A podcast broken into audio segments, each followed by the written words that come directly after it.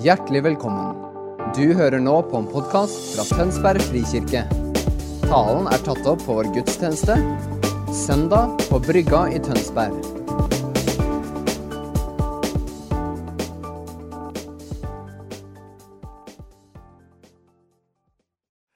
Velkommen til gudstjeneste.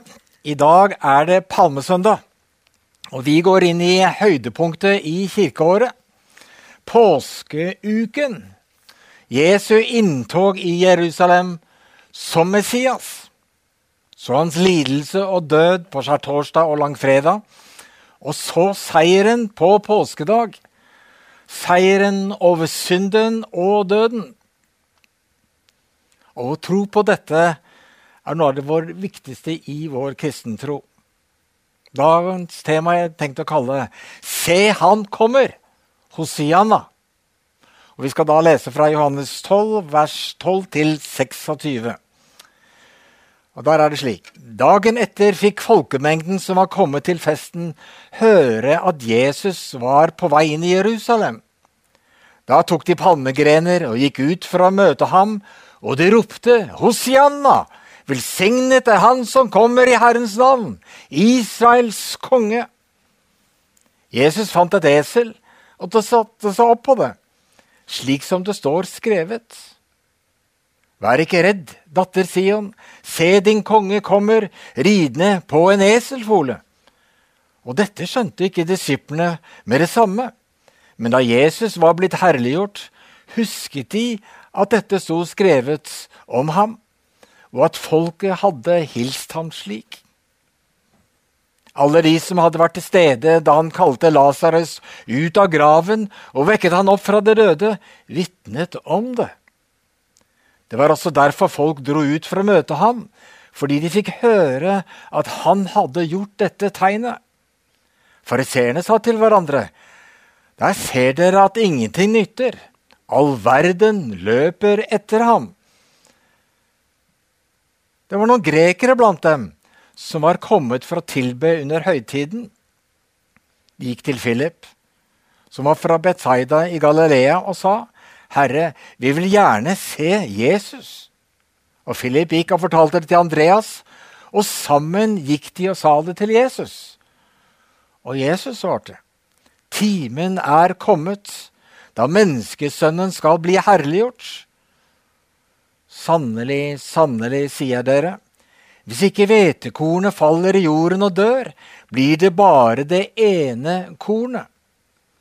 Men hvis det dør, bærer det rikt frukt. Den som elsker sitt liv, skal miste det. Men den som hater sitt liv i denne verden, skal berge det og få evig liv. Den som vil tjene meg, må følge meg, og der jeg er, skal også min tjener være. Den som tjener meg, skal min far gi ære. Jesus hadde altså reist opp Lasarus fra de døde, og det ryktet gikk da om Jesus. Hvilket forunderlig under! Og Så spredde det seg et rykte om at denne Jesus nå var på vei inn i Jerusalem. Se, han kommer! Se, han kommer! Se, han kommer som vekket opp Lasarus! Og så grep de palmegrener og hyllet han som konge.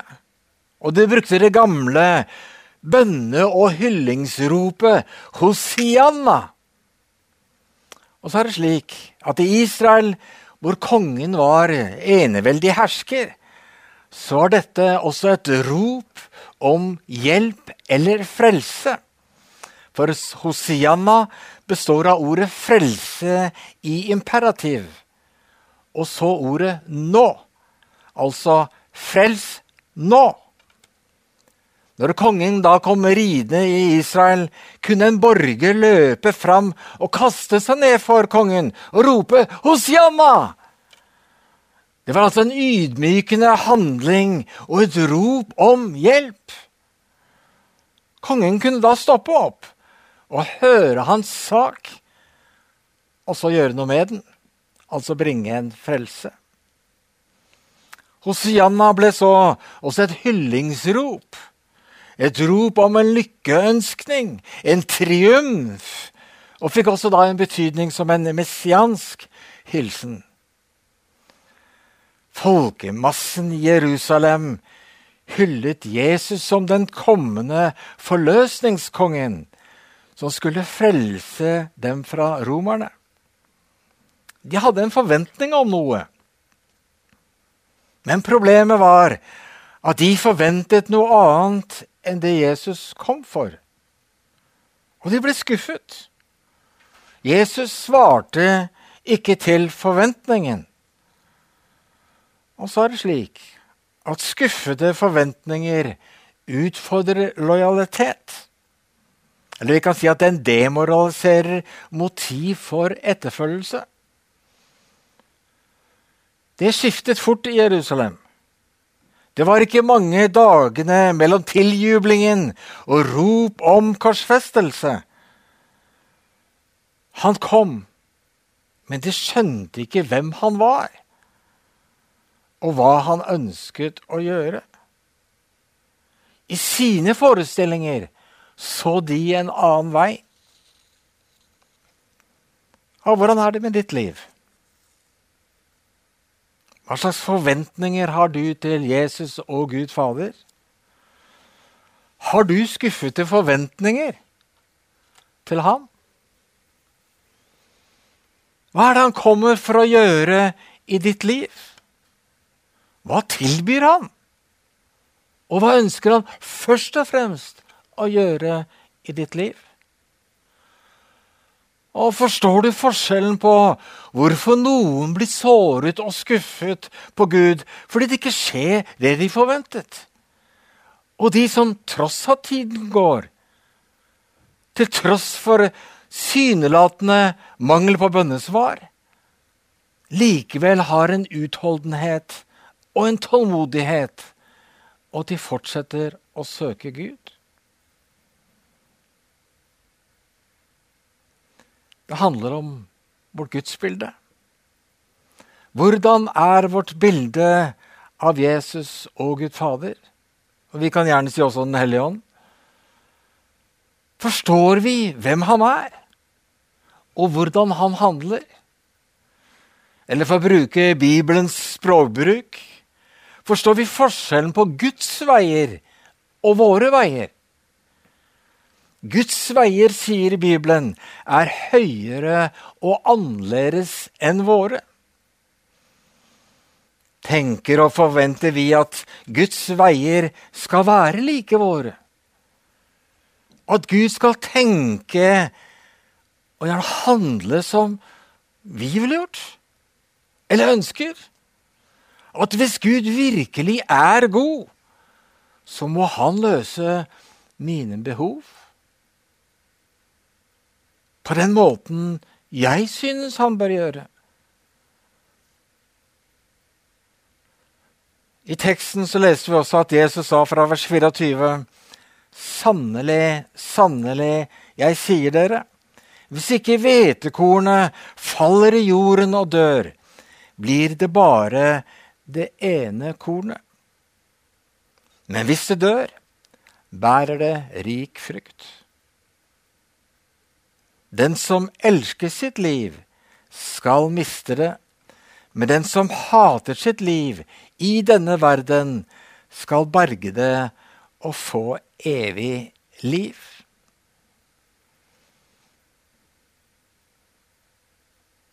Jesus peker på det som skjedde med han. Han demonstrerte dette i påskeuken. Han var villig til å dø for at andre skulle få liv. Men så gjelder det også oss. Noe må dø for at liv skal oppstå.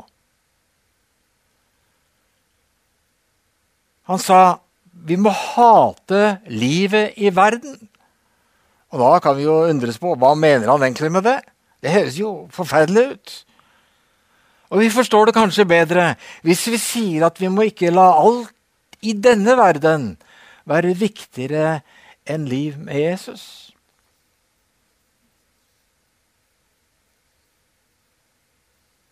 Og så har vi kanskje en forestilling, da, en forventning, om at Jesus liksom skal hjelpe oss til å ha det bra i denne verden.